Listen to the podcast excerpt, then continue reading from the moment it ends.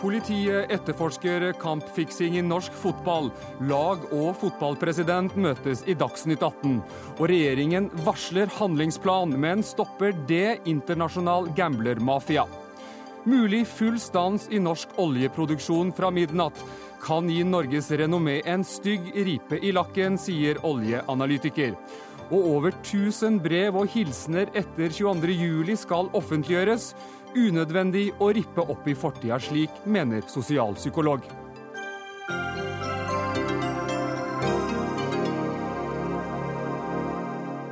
Velkommen til eh, Dagsnytt 18. Eh, Jeg heter eh, Erik Aasheim. og Først så skal vi til, til, mistankene og til politianmeldelsene om at tre norske fotballkamper skal være manipulert eller forsøkt fikset. Vi skal straks få reaksjoner både fra kulturministeren og presidenten i Fotballforbundet, men, men først til aktørene her. Tore Frølich, du er daglig leder i Østsiden idrettslag, fotballavdelingen. Den 24. juni spilte din klubb en kamp mot Follo på hjemmebane eh, der det kan ha forekommet eh, fiksing. Follo ledet da 3-0 etter 65 minutter, eh, og 20 minutter senere så ledet østsiden 4-3. Kampen snudde seg altså dramatisk. Og hvordan opplevde dere at, at kampen endret seg så mye på kort tid? Vi følte at det ikke var noen eh, spesielle situasjoner som tilsa at det kunne være noe annet enn en, en fotballkamp som eh, snudde. Ja. Og det er jo klart at det, det, skjer jo innimellom at et lag leder med et visst antall mål, og, og motstanderen da er klarer å snu, snu kampen, slik som skjedde på Østien den 24. juni. Så vi oppfatta ikke det som noe helt eh, noe spesielt i den sammenheng. Men nå ettertid så ser du annerledes på det? Nei, det vil jeg ikke si. Fordi at uh, vi har ikke noen indikasjoner på at uh, det ligger noe annet enn uh, kan vi si, bra spill fra østsiden sin side de siste 30 minuttene mm. på, på, den kampen der. Men hvordan reagerer du på, på nyhetene i går og i dag, da? Det er jo klart at eh, hvis dette er eh, sant, så er det jo eh, veldig trist for, for fotballen som helhet. Både for Norge som, som, fotballnasjon, og ikke minst da de klubbene som da er involvert i det her. Og skulle det som sagt være sannhet til det, så går dette her langt utafor eh, det konseptet, fair play-konseptet som vi alle er så opptatt av at vi skal følge. Men dette var altså ikke tema blant spillerne, heller ikke etter kampen. Dere, dere var bare fornøyd med at eh, yes, her klarte vi å vinne og, og, og snu, snu, snu, kampen? Ja, i utgangspunktet så var det en veldig fin ramme på østsiden den 24. juni med mm masse folk fra Follo. Det var dog et eh, relativt dårlig vær. Det regna kraftig når kampen eh, starta. Men det var i utgangspunktet en veldig flott ramme rundt eh, kampen. Og det var ingenting kan vi si, blant spillere eller publikum som jeg som da er kampansvarlig kunne reagere på at det var noe, noe muffens, for å bruke det uttrykket. Men nå er altså likevel to Follo-spillere de, de, er da under mistanke for å være involvert i, i, i kampfiksing? Ja, det er det jeg leser på, på, nettet, men det er jo ingen bevis i denne saken her nå. Nå vet vi vel at Fotballforbundet har levert en uh, politianmeldelse på saken. Mm. Og noe utover det så kjenner ikke jeg til det.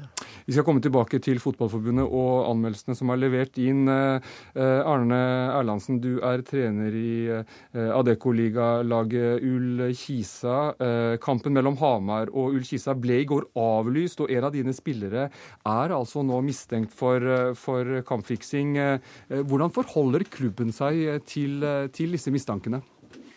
Ja, altså Jeg som uh, trener, vi uh, forbereder oss på vanlig måte til kampen mot uh, Sandefjord til, til, til søndagen. og alle våre spillere som er på kontrakt, de møter til trening i morgen etter at en del av de har spilt rekruttkamp i dag, og de andre har hatt trening. Så jeg har ikke noen indikasjoner på at noen av våre spillere skal være involvert i noe. Og vi skal jobbe tett med vår spillergruppe, så at vi er godt forberedt til kampen mot Sandefjord på søndag. Ja, Men spillergruppen, altså, dere må vel, det må vel være preget av den debatten som nå pågår for fullt, hvor dere er en av, en av eh, da, eh, aktørene, iallfall et av de lagene som trekkes inn? Ja, Problemet er at det blir en masse ryktespredning, og at det blir diskutert i alle mulige foraer eh, hvem det kan være og hvilke som er innblanda osv. Men det er jo løse rykter, og så lenge vi har, ikke har noen indikasjoner på at noen av våre spillere skal, skal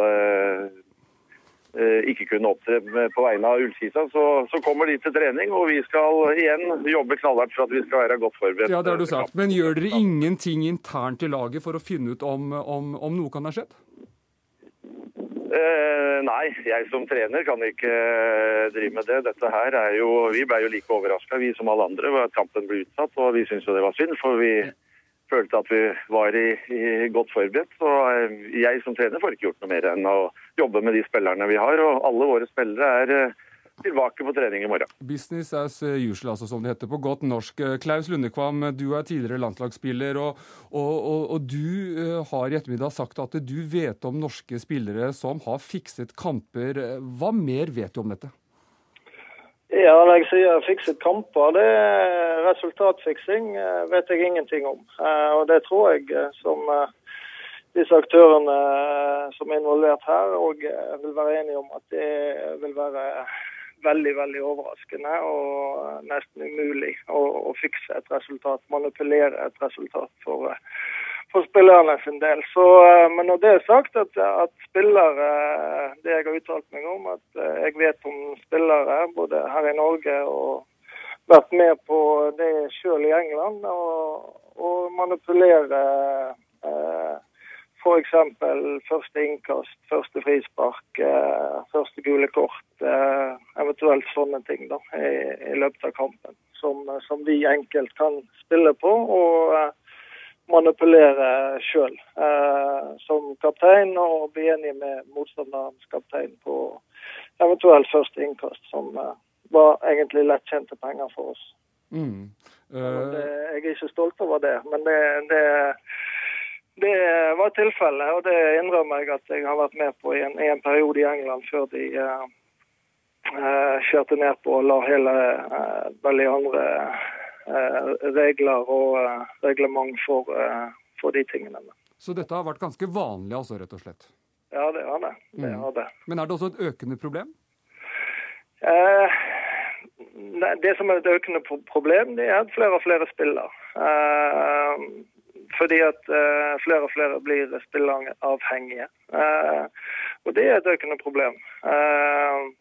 Uh, det med kampfiksing det, det, tror ikke er noe særlig økende problem. Det kommer helt an på hvilken filosofi og, og sånt de, de, utenlandske spilleselskapene har inn mot de markedene de, de, du kan spille på. så hvis de, la oss si, sånn som jeg sier, har du får lov å spille på første innkast, la oss si første frispark, eh, sånne enkle ting som det, så, så tilbyr det egentlig utøveren og, og et lag eh, en lett mulighet til å, til å, kunne manipulere det, utenom at eh, det har noe med resultatet å gjøre. Ja, Tore Frølich i, i Østsiden idrettslag, er det noe du kjenner deg igjen i det som, eh, det som Klaus Lundekvam sier? Det er klart at det, det kan jo være fristende når det er, når det er snakk om å, å tjene penger mm. eh, på en relativt eh, lettvint måte. Men eh, jeg syns at eh, det er vanskelig å uttale seg, for jeg kjenner ikke til eh, omfanget eh, på dette området. Det er første gangen jeg er borti en sånn sak, for å si det sånn. Politiet i Oslo de har innledet vitneavhør i kveld og, og, vil i morgen ta stilling til om, om, det er grunnlag for videre etterforsking. Og, og Dagsnytt 18 vi har også snakket med både Asker og Follo fotballklubber, men som ikke ønsker å kommentere saken her hos oss fordi det nå altså er under Eh, etterforsking. Og Yngve Harlén, du er president i, i, i, Norges Fotballforbund. Eh, det er dere som i formiddag har bedt politiet om å etterforske da enkeltpersoner. Eh, du ønsker ikke å kommentere de konkrete sakene ettersom de nå er under ettersom de nå er politianmeldt. Men, men hva vet du om omfanget? Nei, Det er tre konkrete kamper vi har levert informasjon rundt til politiet i dag. Eh, sånn at eh, all informasjon som vi har, er overlevert til de. Og så har vi bedt de, vi har ikke anmeldt noe forhold, men vi har bedt de å sjekke ut med mist, at vi har mistanke at det kan være eh, resultatmanipulering rundt disse kampene. Disse tre kampene. Vi, disse tre kampene. Ja. Vi har bedt de å sjekke det ut. Mm. Eh, det er de som har kompetanse til det. Vi har ikke noe etterforskningskompetanse. Vi kan ikke gå inn og holde avhør av folk. Det er politiet som må gjøre i en rettsstat. Så det har vi overlatt til de.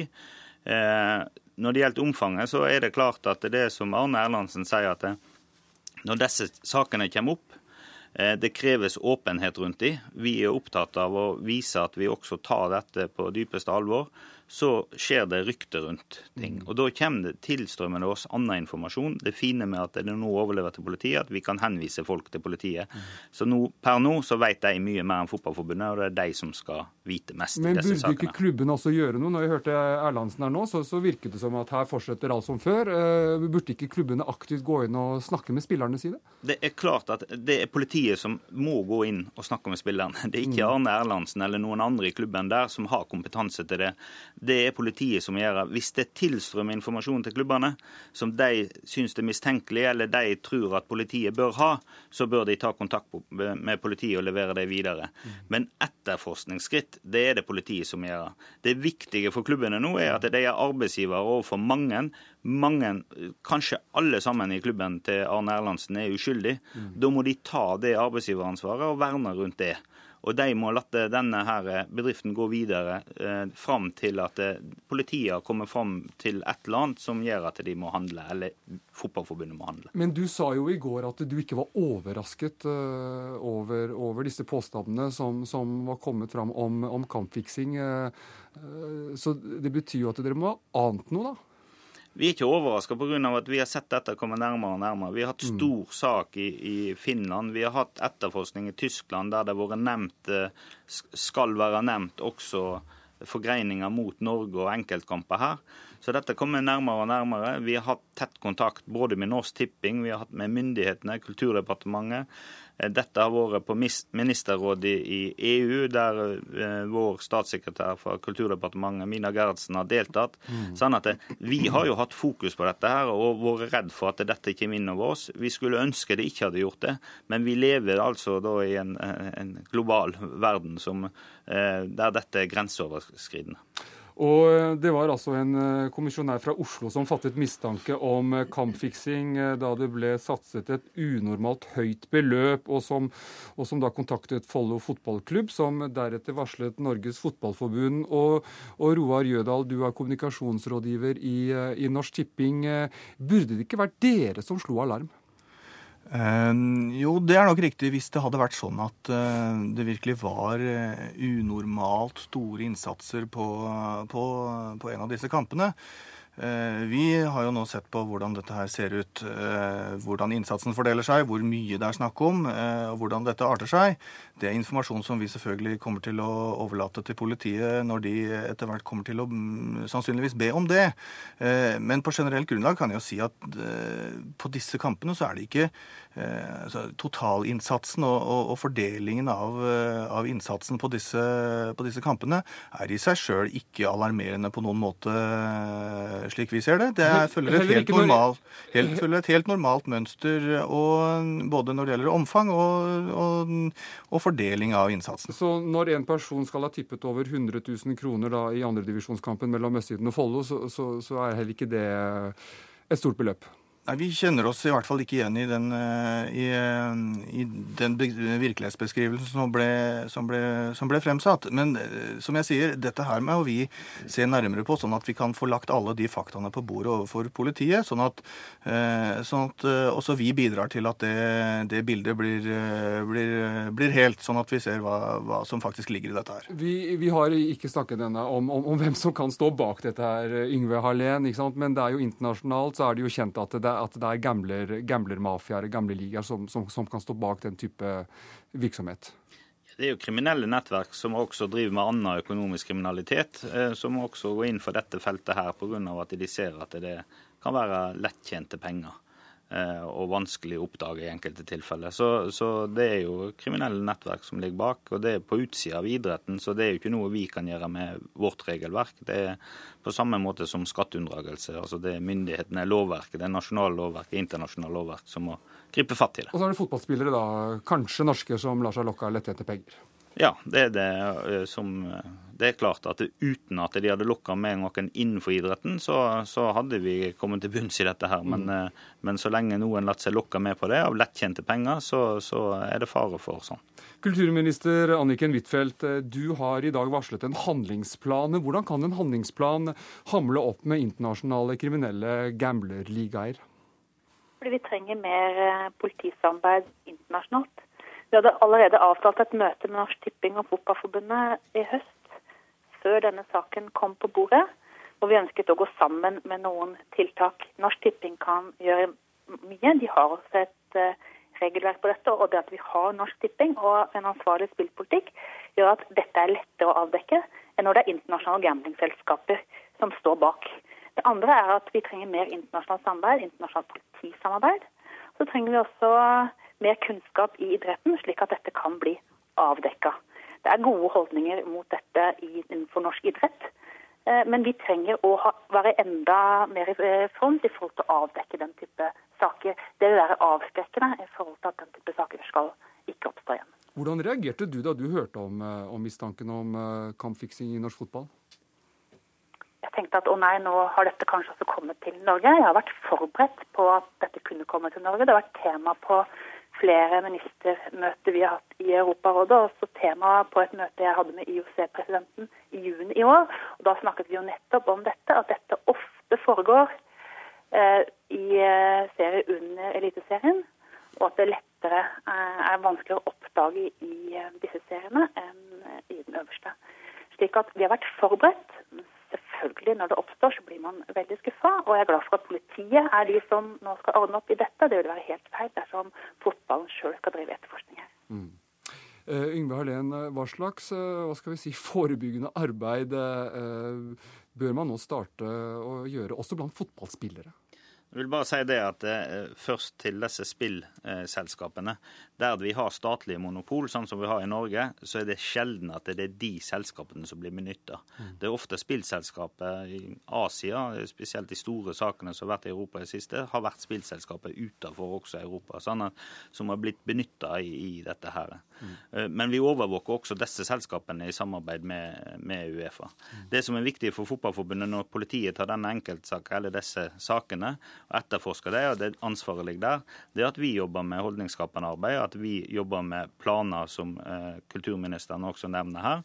Hva vi kan gjøre i fellesskap for å overvåke det, for å drive forebyggende eh, arbeid og vise at vi tar dette på alvor, sånn at eh, folk blir skremt vekk for å drive kriminalitet rundt, eh, rundt våre spilleobjekter. Mm.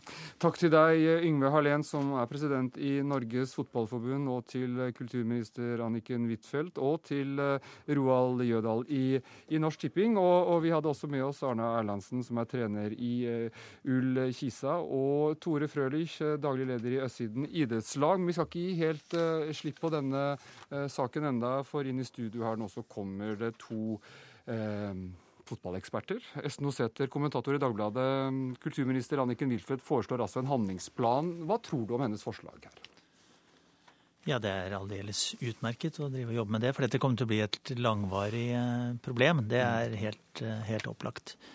Så om man eh, kommer med noe som kommer i 2014, så er det aktuelt da også. Det er, det er viktig å skjønne. For, for kampfiksing hører moderne spillsamfunnet til.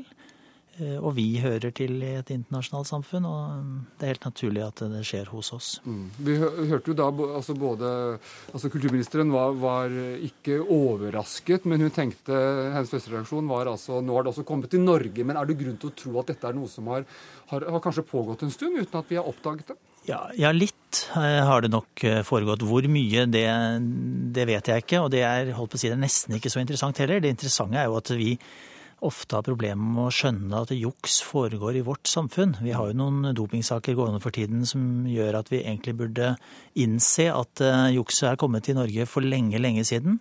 Og vi er nødt til å forholde oss til det.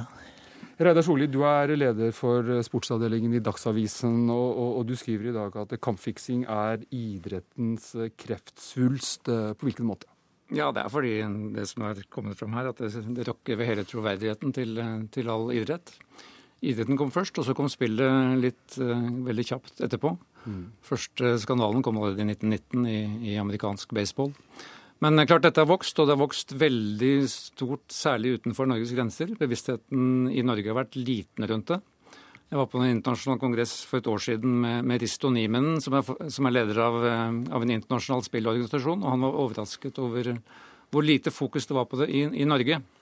Og Det jeg etterlyser i debatten her nå, er for så vidt at det er litt mer fokus på hva man kan spille på, og hvordan spillselskapene opptrer mm. i, i, i, dette markedet. Ja, Vi hørte jo Klaus eh, Lundekvam sier at måte, det har vært litt uh, akseptabelt å spille uh, ikke på en måte en, altså ikke kampfiksing, men, men, men, men, spille på andre ting. Nei, nettopp. Og, og, og, det er det ikke anledning til, særlig i Norge, men det, det, er vanlig i utlandet. Og da spille på første innkast, første ja. corner, slike ting, det er umulig å, å ettergå.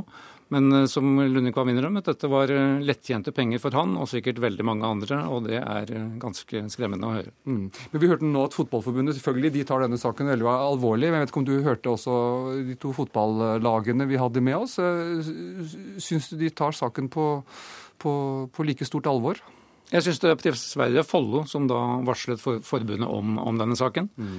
Eh, hvordan det oppfattes der og da, det, det, er veldig vanskelig. Jeg har sett målene selv, de ligger vel på Dagbladet nettside. Og det er umulig for en vanlig dødelig, selv for vi som tror vi kan litt om fotball, å se at det har skjedd noe rart her. Ja, Du tenkte ja. ikke det du eller Snoseten? Nei, det, det, er vanskelig å se. Men jeg, jeg, tror at nettopp i de små klubbene, som jeg i og for seg på fritida driver og spiller for, mm.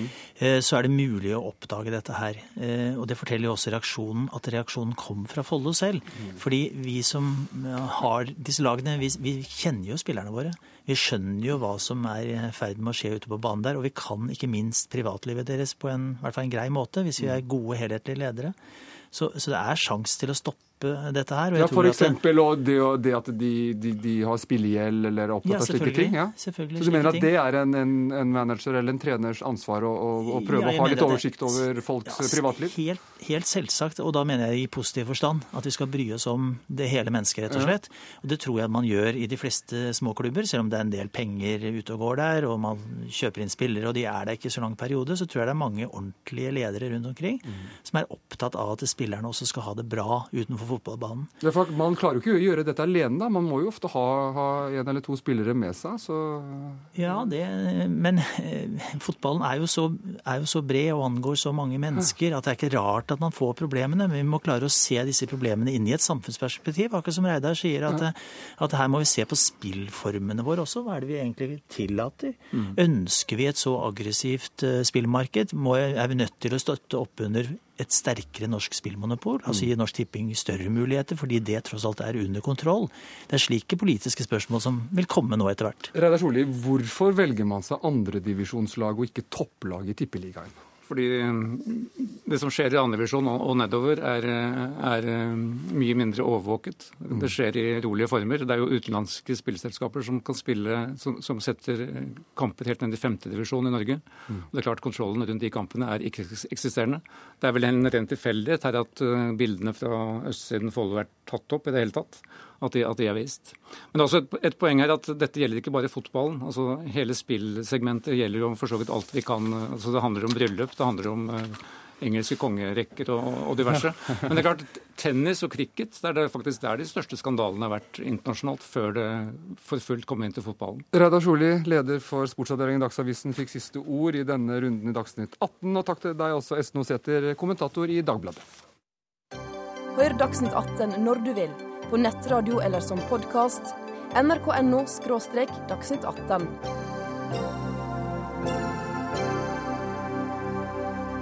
Når eh, klokka slår tolv i natt, vil om lag 6500 oljearbeidere bli stengt ute fra sine arbeidsplasser. Eh, partene i konflikten kom ikke til enighet i løpet av helgen, og om noen få timer er eh, lockouten en realitet. Line Tomter, økonomireporter i NRK. Hvordan er situasjonen nå, knappe seks timer før, før fristen? Ja, dette oljedramaet er for alvor i ferd med å tilspisses. Eh, og det er jo selve hensikten ofte da med en lockout. Eh, det er ingen formell eh, kontakt mellom partene. Det har det ikke vært siden i går formiddag. De tviholder på sitt. Arbeidstakerne de sier at vi skal ha full pensjon fra fylte 62 år, mens arbeidsgiverne sier ikke tale om. Mm. Er det noe som tyder på at det da går mot tvungen lønnsnemnd? Regjeringen har kommet med klare oppfordringer om at partene må løse dette her på egen hånd. Men det har jo ikke nyttet så langt. Eh, og Det som kan bli vanskelig for den norske regjeringen her, er at Norges eh, troverdighet som stabil olje- og gassleverandør kan bli truet. I tillegg så har allerede bensinprisene økt noe, og vi kan få enda sintere bilister hvis det blir enda dyrere. Og disse mulige tapene i Norges viktigste næring, ikke bare for selve oljeprodusentene, men også for leverandørindustrien, mm. det spørs om regjeringen kan leve med dette i lengden. Så kanskje det man sier nå, er at det er ikke et spørsmål om eh, om det blir tvungen lønnsnemnd, men når det blir det. Ja, Tina Saltvedt, du er oljeanalytiker i Nordea. Dette kan altså bli en ripe i, i, i lakken til, til, Norge om det nå blir eh, lockout. Hva slags konsekvenser kan det få? Ja, altså det kan jo få altså Hvis dette skjer igjen, eh, så kan jo dette bidra til at andre, altså utenlandske investorer blir forsiktige med å investere i Norge f.eks. Det kan bli vanskeligere å få i gang kontrakter med norske selskaper fordi man er usikre på leveringsdyktigheten, leveringsstabiliteten. Eh, det kan være at man må reforhandle en del kontrakter som allerede eksisterer fordi man er usikker, usikker på leveransene fremover. Slik at det kan få implikasjoner for hva som skjer fremover, og mulighetene vi har fremover. For vi har, en, eh, vi har et rykte på oss, Norge, å være en, en, si, en, en stabil eh, leverandør, ikke sant? Ja, det er faktisk ikke så veldig mange land som er politisk stabile, som, som har det samme ryktet som Norge har. Og spesielt ikke med levering til Europa. Det er faktisk svært få. Vi skal huske på at de andre leverandørene eller eksportørene av olje og gass til Europa, det er land i Nord-Afrika, det er land i Midtøsten, f.eks. Russland, som alle har en utfordring utfordring med nettopp den politiske stabiliteten og da leveringssikkerheten. Mm. Og ryktene om at det kan gå mot en lockout, har allerede ført til, eh, til, til, økt oljepris, ikke sant? Ja, det har ført til økt oljepris. Det var flere som var skuffet at det ikke ble noen løsning på dette i løpet av helgen, slik at oljeprisen har allerede steget med en dollar fatet. Mm. Det er mange som har trodd at det vil komme en løsning i løpet av denne dagen, og nå ser det ut til at det går mot en lockout. Og det, det tror jeg egentlig ikke er noe som markedet har tatt inn over seg helt ennå, slik at vi kan vente at det kan by på enda høyere oljepriser fremover. Akkurat. Um, vil streiken få noen konsekvenser for, eh, for, oss eh, hva skal vi si, vanlige nordmenn? Det gjør jo det, fordi at når eh, råoljeprisen stiger, så vil jo etter hvert prisene på bensin og diesel, som vi bruker mye av, det vil også stige fremover. Slik at hvis denne streiken, eller lockouten, da, varer lenge, og dette presser opp prisene på råolje, så må vi vente at vi må betale mer for bensinen og dieselen som vi kommer til å bruke når vi skal på ferie nå i sommer. Men hva med gassleveransene våre? ikke sant? Altså, vi leverer jo bl.a. en tredel av av all gass til, til, til, Frankrike. Den kommer jo fra Norge. Eh, kan det by på problemer og, og at vi skal klare leveransene? Det er klart at det er ikke så lett å erstatte den norske olje og gassen på kort sikt eh, fremover for de landene som i dag eh, stoler på at Norge skal levere olje og gassen. På gassiden så leverer vi jo faktisk 20% av all gassen som forbrukes i Europa. Og det er ikke lett for andre produsenter å øke sin produksjon på veldig kort sikt og kunne dekke over det. Vi har jo sett at Russland tidligere f.eks har kuttet sin eksport til Europa. og Det har jo skapt en enten økning i prisen, men også mangel på gass andre steder. Du, du har sagt til eh, nettstedet E24 at dette skjer på et, et, et, dårlig tidspunkt. Eh, hvorfor det? Det skjer på et veldig uheldig tidspunkt. Det er fordi at først og fremst så er jo denne sommersesongen det er jo det tiden, den tiden på året vi bruker mest olje. Mm. Det er når eh, aircondition-anlegg slås, slås, i gang. Det er når kjøresesongen, altså feriesesongen, tiltar i USA og Europa, sånn at vi bruker mye bilen. Vi bruker mye bensin. Men så skjer det også på et tidspunkt hvor Europa har innført en eh, et importforbud mot iransk olje. Og det tar, altså Bare det å erstatte den oljen som Iran vanligvis forsyner Europa med, det skal litt til. Og så kan det da komme denne lockouten, altså mangel på norsk olje, i tillegg. Det gjør at det kan bli et veldig veldig stramt marked. Mm. Så det kommer på et svært uheldig tidspunkt for det europeiske markedet. Og midnatt så blir det altså klart om det blir lockout eller ei, selv om ting nå tyder på at det går den veien. Takk til deg, Tina Saltveit. Du er altså oljeanalytiker i Nordea. you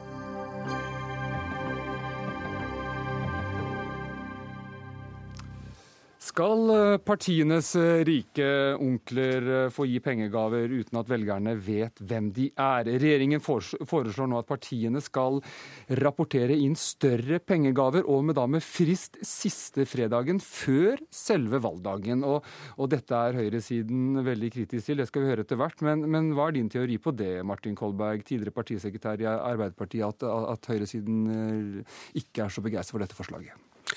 Nei, Vi har jo gjennom eh, mange mange år hatt en diskusjon om disse spørsmålene. og Fra høyresiden så har det jo vært reist veldig sterk kritikk mot fagbevegelsens finansiering av Arbeiderpartiet. Mm. Det har vært brukt sterke ord, ikke fra Ryssdal som sitter her, men fra mange andre, om at eh, det er en form for korrupsjon, at det er udemokratisk osv. Og så har man vært enige om at det var nødvendig med stor åpenhet. Og eh, nå er det jo slik at det er OECD som eh, da har tatt initiativ til at man i de europeiske land skal ha en veldig sterk åpenhet om dette helt inn til valgdagen, og spesielt i forbindelse med valgkamper. Og regjeringens forslag bygger på det. Og det er for at velgerne skal ha muligheten til å se hvem det er som finansierer de politiske partiene helt fram til valgdagen, og eventuelt gjøre seg opp en vurdering politisk om hva de da bestemmer på når de ser hvem det er som støtter dette partiet eller det andre partiet. Og det at eh, nå eh, Høyre og Fremskrittspartiet så tydelig går imot det, det må jeg si overrasker meg. Jeg kan ikke forstå at det skulle være noe problem for dem. fordi at dette skaper ikke noen problemer i, i den politiske debatten overhodet. Og det må være et uttrykk for at de er redd for at eh, de som da bevilger dem penger, enten eventuelt ikke gjør det fordi at de ikke vil få offentliggjort sine navn, eller at de vil se på det som en belastning. Og det, der, det er der eh, hun må ligge begravet, slik som jeg ser det. Ja, Ryssdal, eh, du var nevnt med navnet her. Du er altså generalsekretær i Høyre og heter Lars Arne til fornavn. Og, og, og eh, du hørte Kolberg her si ikke forstå. Hva er det dere er så engstelige for? Nei, Jeg er ikke engstelig som å være, men dette er jo mer en agurksak enn noe annet. Men eh, det er nok sånn at vi, som Kolberg sier, har denne saken en lang forhistorie. Partiene fant frem til kompromiss eh, for en åtte-ti år siden. Det ble en partilov i 2005 som fungerte bra. Vi skal ikke ta hele historien. Jo, jo, jo, for det, nei, for det, dette, det jeg spør om nå, er jo, altså offentliggjøringen altså Det dere er, det dere er ja. kritisk til, det er at uh, disse større pengegavene uh, skal altså Giverne skal offentliggjøres da siste fredag før selve valgdagen. Ja, så ser jeg, Vi stiller stort spørsmål om dette er nødvendig i forhold til hvilke ulemper det er for frivillig virksomhet som lokal partilag er over hele landet. Det mener vi det ikke er, og derfor har vi sagt at vi er skeptiske til, til dette. Vi offentliggjør i dag fortløpende eh, hvilke bidragsyter vi har innenfor korte frister. Det har vi gjort frivillig, eh, strengere enn det partiloven pålegger oss. Mm. Dette vil ikke medføre noen endring for Høyre sentralt, men derimot så betyr det at eh, for en, for en lokalforening hvor som helst i landet, så skal virksomheten siste arbeidsdag før valget mange av disse har for øvrig ikke arbeidstaker, men det er frivillig virksomhet. Og i avisen siste lørdag for valget så er det dette skal ha fokus. Vi mener at det er å lage en myte av at her finnes det mye skummet begravd. Mm. Mens erfaringen vi har nå hvor dette blir offentliggjort, er jo at her ligger det svært lite interessant. Men her vil det bli spekulert, og det mener vi er uheldig. Kolberg, det tar altså fokuset bort fra politikken, som jo er det viktigste i et, i et valg, tross alt. Selvfølgelig er det det. Og det er ikke det det handler om i hele tatt. Hva handler det om? Det er, handler om å gjennomføre et demokratisk prinsipp som eh, OECD har nå bedt alle partiene og alle land i Europa om å gjøre. Men ikke offentliggjøre nødvendigvis giverne fredagen før, før, før Nei, en valgmandag? Men, men det er veldig viktig, og det fremgår av all dokumentasjon, at det er finansiering av valgkamp som på mange sett og vis er det viktigste og det spisseste. Og eh, jeg vil jo henlede Ryssdals og lytternes oppmerksomhet til hvilken argumentasjon det gjennom generasjoner altså har blitt ført fra høyresidas side når det gjelder finansieringen av arbeiderbevegelsen. Der har de brukt sterke ord, jeg gjentar ikke det. Nå ligger de seg helt flate for det, de kommer ikke opp igjen. Fordi at de ser at de også har behov for støtte. Og vi mener at alle må kunne få lov til å bruke pengene sine på å støtte Høyre, Fremskrittspartiet eller Arbeiderpartiet. Men folk skal vite hvor det kommer fra. Men de skal altså vite hva det kommer fra, og de må vite hvor det kommer fra før velgerne velger. Og er, jeg skjønner ikke hvorfor høyresida har sånn stor aversjon mot det. De argumentene som Ryssdal fører, og jeg har også vært partisekretær og organisasjonsmann, det er sideargumenter. Det er argumenter man kommer på istedenfor å være positiv i forhold til dette forslaget. Mm. Og hunden ligger begravet, det jeg sier. De vil ikke offentliggjøre disse rike onklene, og det finnes mange av dem som nå støtter Høyre. Ja, det kan dokumenteres. Ja, Lars Arne Ryssdal, eh, tidligere, altså i, i fjor så, så, fikk dere ganske mye penger fra Kristen Sve og så Stein Erik Hagen. Eh, altså har gitt sjenerøse gaver til Høyre. I år eh, får dere også store, et, fått et stort beløp fra Mustad Industrier. Har dere fått noen signaler om at økt offentliggjøring vil føre til at disse, disse gavene vil avta? Ikke disse konkret. Det vil si når det gjaldt eh, Hagen i fjor, så varslet han jo han at etter, eh, etter all den oppmerksomheten hadde vært rundt hans, eh, hans person, så ønsket han først ikke å gi gave. og så kom vi til, eh, til, en enighet om at han skulle gi et visst prosentbeløp av det vi for øvrig samlet inn. Og Det er litt av poenget her. De beløpene som av og til blir fremstilt som svært store, er faktisk ikke det. Eh, du refererte et stort beløp eh, vi har fått inn i år. Det er på 75 000. Jeg tror ikke lytterne blir veldig skremt over det. Mm. Det er jo nettopp poenget. Vi fikk en lov i 2005 som fungerte greit. Det er full åpenhet om dette. Og Vi stiller mer spørsmål er det forholdsmessighet her mellom det som nå blir krevd av mer papirarbeid og mer, eh, mer oppringning for pressens siste arbeidsdag, siste ukedag for valget, og det en vil oppnå gjennom dette. Vårt svar på det er nei. Ja, partiarbeid, Kolberg? Jeg, som jeg sa, eh, jeg har også vært partisekretær og mer partiarbeider, og jeg har sett dette gjennom lang tid. Det der er et sideargument. Det er et konstruert argument for å slippe unna akkurat det å fortelle dagen før valget disse pengene har vi fått til å støtte vår valgkamp. Det er en ærlig og oppriktig sak å ta imot de pengene. Det er en ærlig og oppriktig sak å gi dem, men det skal være offentlig. Men hvis dette er en lang liste med, med også som du kaller da Høyres rike onkler, så, så du vet jo også at journalister og media vil, vil være ganske opptatt av denne, denne gavelisten, giverlisten, eh, dagen før valget. Ja, men det er i tilfelle bra. fordi at mediene har vært Jeg har sittet i dette studio og alle andre studioer i årevis og forsvart fagbevegelsens støtte ja. til oss. Og det er på tide at Høyre også blir konfrontert med hvor de får pengene sine fra. Mm. Og at det kommer helt opp under valget, og da på den siste fredagen, det er en del av det politiske bildet som Ryssdal da får forsvare hvis han ønsker det, eller hvis iverne ønsker å gi penger på den måten. Ja, jeg kjenner ikke helt igjen bildet av at vi har vært mer opptatt av dette enn eh, en dere tilsvarende om eh, private bidragsytere. Så det er noe historieskriving som eh, nok er begge veier. Men det er et faktum at uh, lokale partilag over hele landet sliter med, sliter med, aktiviteten. Det at det pålegges stadig mer uh, byråkratiske oppgaver, det er ikke med på å fremme aktiviteten i det som vi ønsker å fremme, nemlig demokratiet. Jeg skulle vært med på dette hvis vi hadde sett gjennom erfaringen fra de årene vi har hatt denne åpenheten, at dette er et behov. Det er det ikke. Det kom til en anbefaling fra en internasjonal organisasjon, anti, antikorrupsjonsleddet i Europarådet, ikke OECD, som du sa. Eh, det er en anbefaling, og ut fra våre erfaringer i Norge, de vi felles har, så er ikke dette noe behov å, å, å ta på på dette tidspunktet. Nei, altså Kampen mot eh, korrupsjon, åpenhet og demokrati den er helt fundamental.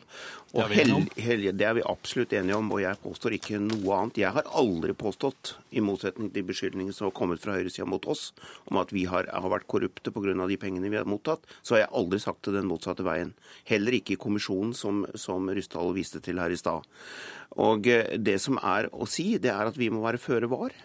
Det er helt nødvendig med åpenhet. Det burde ikke være noe problem for noen. For det er egentlig ingen som har noe å skjule, hvis det ikke er ting de oppfatter som politisk penible.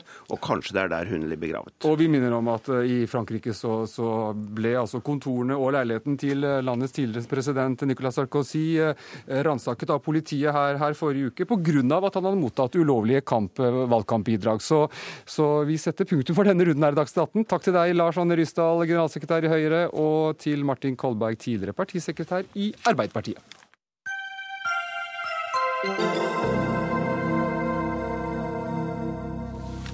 Skaper privatskolene eh, tapere, eller gjør økt konkurranse at elever, lærere og skoler strekker seg lenger?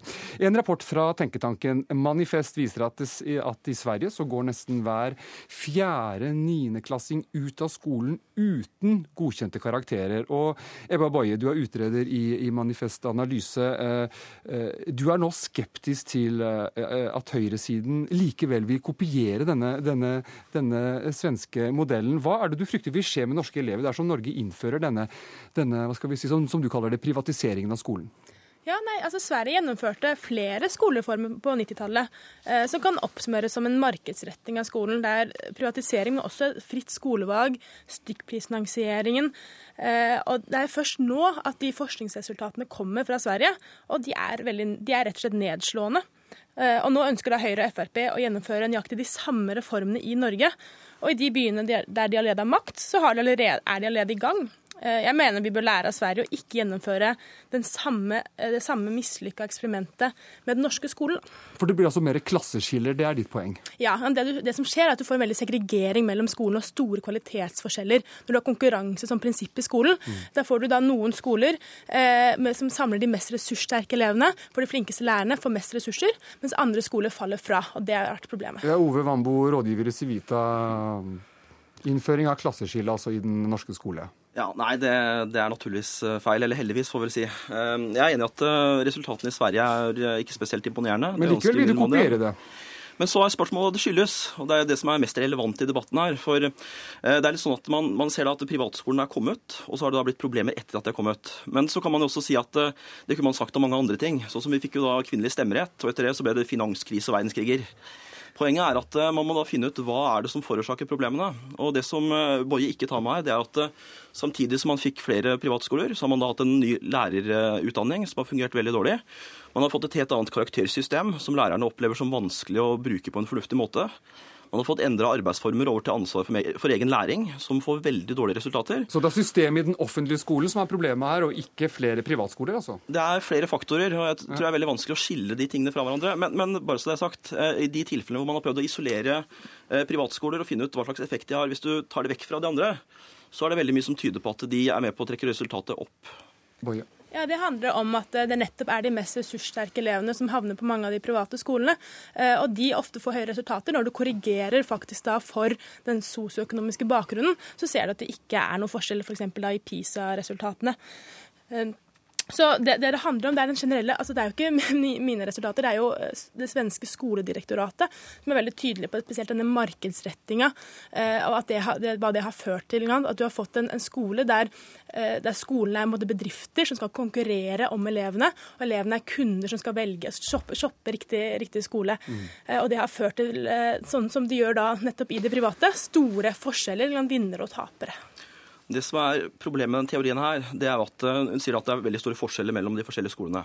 Men det skulle jo da betyde at de som var på de såkalte eliteskolene, skulle gjort det enda bedre. Men det undersøkelsen viser, er at eh, også de beste elevene gjør det dårligere. Eh, og det tyder jo nettopp på at det er store systemproblemer som rammer alle. Og da får man ikke de skillene på samme måte, fordi alle, blir, altså alle blir verre sånn sett.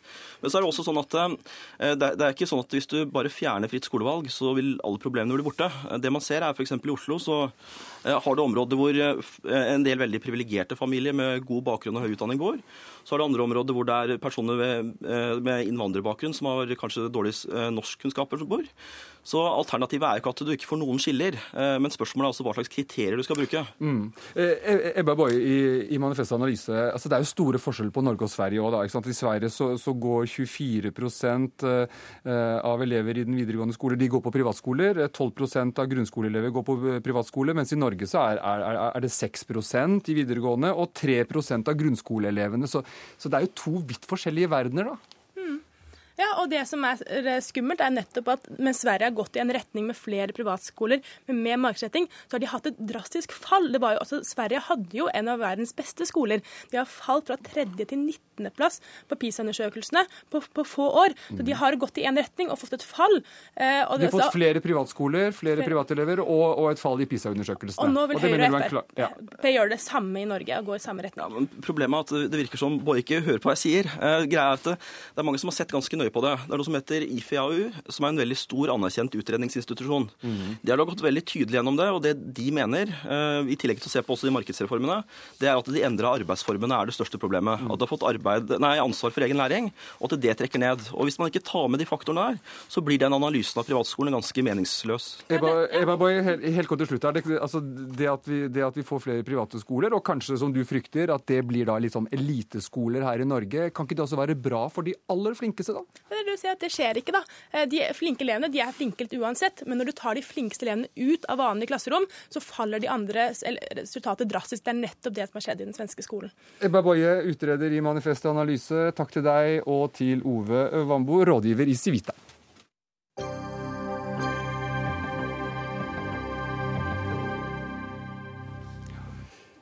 I forbindelse med markeringen av eh, ettårsdagen for 22.07 skal Riksarkivet publisere 1400 eh, brev, kondolanser og hilsener til, eh, til pårørende og uh, ofre. Og, og, og, Stian Nordli, du er seniorrådgiver i Riksarkivet. Du har, vært, du har hatt koordineringsansvar og vært prosjektleder for innsamlingsarbeidet i, ved Oslo og Utvika. Altså, det er altså slik som vi uttrykte vår hva skal vi si, kollektive sorg for ett år siden, som nå skal vises frem. Det stemmer. Vi har allerede på fredag lagt ut uh, disse dokumentene de omtaler. 1400 enkeltdokumenter og bilder av 200 gjenstander.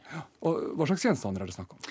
Gjenstander er det hovedsakelig bamser. Uh, det er flagg, noen religiøse symboler og, og pyntegjenstander. Mm. Og pluss da brev og hilsener og kort og tegninger. Og svært mange barnetegninger. Ja. Og dere har jo eh, altså Det er jo bare en liten del av uh, dette materialet dere har digitalisert, som, som dere nå viser fram. Men ja. hvor, hvor mye finnes nå i arkivene?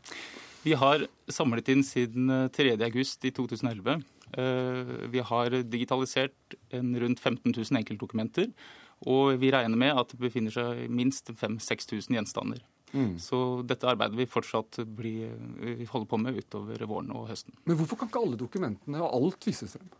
Tatt, det er to hensyn vi har tatt. Det er personvernhensyn. Eh, vi har derfor valgt å ikke eh, publisere materiale med fullt navn mm. eller med, med er det sladda, da, eller har det valgt bort de Det er valgt bort de som kun er anonyme eller har eh, fornavn. Ja, Så selv om den vakreste barnetegningen hadde fullt navn, så kan ikke den vises fram? Så dere har ikke, dere har ikke gjort noe sånn sladding? Det har vi ikke. Nei. I tillegg så er det et aspekt til som har vært veldig viktig. Det har vært eh, av hensyn til eh, pårørende og etterlatte. Mm. Vi har derfor valgt å ikke publisere motiv av offer eller tekster knyttet til enkeltoffer. Mm. Men hvem er det som har lyst til å se dette, tror du? Jeg tror at det vi har lagt fram nå, som er fritt tilgjengelig, vil kunne være fint å se på for nesten alle som har vært en del av Norge i tiden etter 22.07. Mm. Det viser veldig mye omtanke og varme og kjærlighet. Det er ikke noe hat og veldig lite sinne. Jeg tror dette er et veldig godt manifest på hvordan Norge reagerte i tiden etter 22.07. Arnulf Kolstad, du er professor i sosialpsykologi ved, ved NTNU i Trondheim. Og, og, men du er kritisk til at folks ett år gamle sorg skal gjøres tilgjengelig på denne måten. Hvorfor det? Nei, jeg har, ja, jeg har stilt spørsmålstegn ved om ja, dette har noen hensikt. For det første så er jo dette uttrykk som oppsto i en helt bestemt situasjon, som ofte var veldig private og personlige. Og jeg syns egentlig ikke de tilhører den offentlige sfære. Det andre poenget er vel at eh, vi må jo komme videre. Og jeg ser ikke noen god mentalhygienisk grunn til at vi skal dvele så mye ved sorgen i fortida og det som skjedde for over et år siden. Så dette kan ikke ha noe terapeutisk funksjon, altså, mener du? Nei, jeg tviler sterkt på det. Hvis vi skal bearbeide traumer, så gjør vi det på en helt annen måte enn ved å offentliggjøre i massemedia eller på nettet eh, de som har støtta oss og vist varme. Det er nødvendig å få denne støtten, denne varmen, fra nære personer, familie og venner, og få bearbeide traumene og få dem på plass litt mindre truende neste gang. Og jeg kan ikke se at uh, Riksarkivet her på noen måte bidrar til sorgbearbeiding. Men, men uh, hvordan mener du at dette materialet bør benyttes? Jeg mener det kan godt uh, ligge som uh, noe Riksarkivet fikk inn på et bestemt tidspunkt.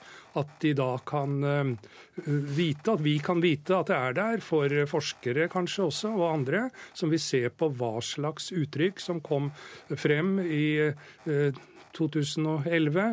Det Eh, mener jeg at eh, Riksarkivet opplagt eh, bør ta seg av. Men, men, det å offentliggjøre det på nettet på denne måten, det ser jeg veldig liten hensikt i. Men kan det ikke bidra til en fellesskapsfølelse, da, Arnulf Kolstad, professor i sosialpsykologi? Jeg, jeg tror at den fellesskapsfølelsen har vi demonstrert på veldig mange forskjellige måter. Og, og mitt poeng er vel også at vi må se å komme videre.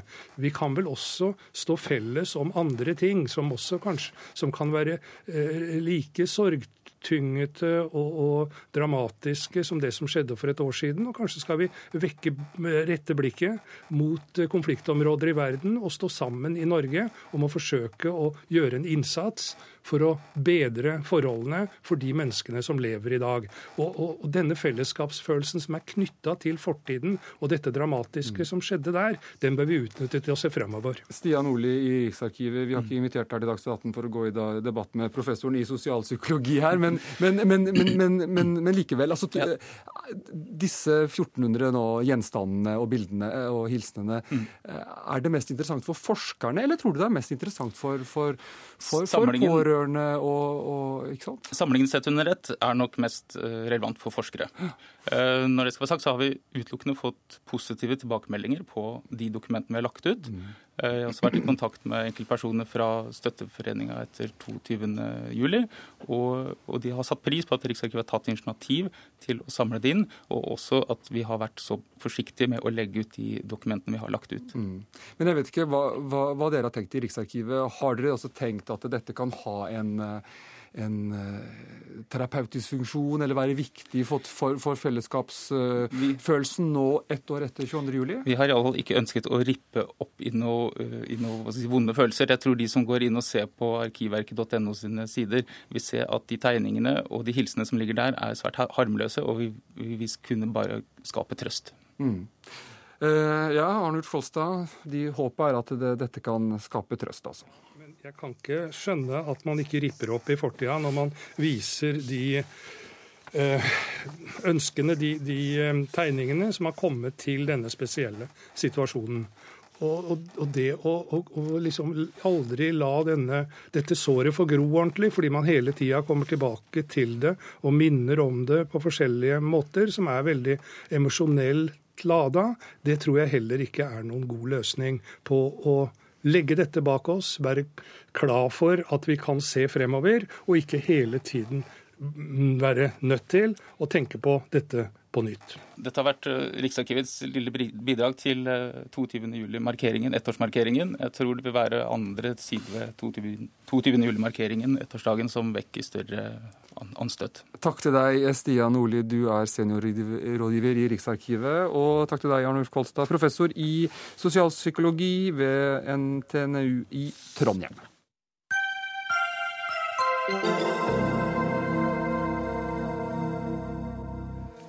Da skal eh, Dagsnytt 18 til et av verdens mest, verdens mest lukkede land, Nord-Korea. Bernt Appeland, du er generalsekretær i Unicef Norge og, og har nylig besøkt eh, landet. Eh, hvilket bilde er det som, eh, som sitter fast i netthinnen? Ja, det er flere. Eh, sterkeste er møtet med de alvorlig underernærte barna på barnehjemmet i Hamhung, mm. som er den nest største byen i Nord-Korea. Eh, Like sterkt nesten er det å se alle de kortvokste barna eh, i Nord-Korea som ikke utvikler seg nok fordi de ikke får eh, nok og riktig føde. Eh, men så er det liksom å se et land som på et eller annet tidspunkt antageligvis har hatt en infrastruktur som har vært ganske langt framme, men som etter hvert eh, har forfalt og som ikke lenger har et innhold som gjør at man kan brødfø eh, den befolkningen man har. Ja, Du var der i 2010, men da for, eh, på oppdrag fra, fra, Norges Røde Kors. altså På disse to årene nå, så du en forskjell? Ja, det var en liten forskjell. Det var litt flere biler i gaten i Pyongyang. Eh, det var en diplomat jeg snakket med som sa at for to år siden så kunne du gå ut i gaten uten å se deg for. Ja. Det kan du ikke lenger. Så det er litt mer trafikk. Men barna da? Barna er eh, den samme situasjonen, eh, og kanskje til og med litt verre. Dere besøkte både barnehjem og sykehus. Skjulte myndighetene forholdene for dere, eller fikk dere eh, se de verste tilfellene, tror du? Ja, er, du vet jo aldri hva du ikke får se. Nei, For dere hadde jo myndighetsperson med dere hele tiden. sånn, sånn alle må, ikke sant? I, i Nord-Korea så vil du alltid ha følge av myndigheter. Mm. Og de vil legge til rette for det du får se og ikke mm. se. Eh, så jeg vet ikke hva jeg ikke har sett. Eh, men basert på det jeg har sett, som er ganske alvorlige tilfeller, og hva jeg har sett andre steder i verden, så tror jeg nok eh, at vi i hvert fall har fått sett, om ikke de verste tilfellene, så ganske ille. Så de har vært åpne, og er åpne, om den situasjonen barna i Nord-Korea i dag har. Hva slags hjelp trenger de? De trenger eh, både kortsiktig og langsiktig hjelp. Altså Hvert tredje barn i eh, Nord-Korea er så kronisk underernært at de har fått, hvert tredje barn, hvert tredje barn, ja. fått varige veksthemmelser som de aldri kommer til å komme over. Eh, De trenger Både fysisk og mentalt. Både fysisk, både fysisk og mentalt. Eh, Og det er klart Dette vil bli en byrde for landet i mange mange år eh, fremover. Så De trenger akutt ernæring. Eh, rett og slett medisinsk mat og næringshjelp for de akutt underernærte. Så trenger de forsterka mat til de som ikke har blitt alvorlig underernært ennå.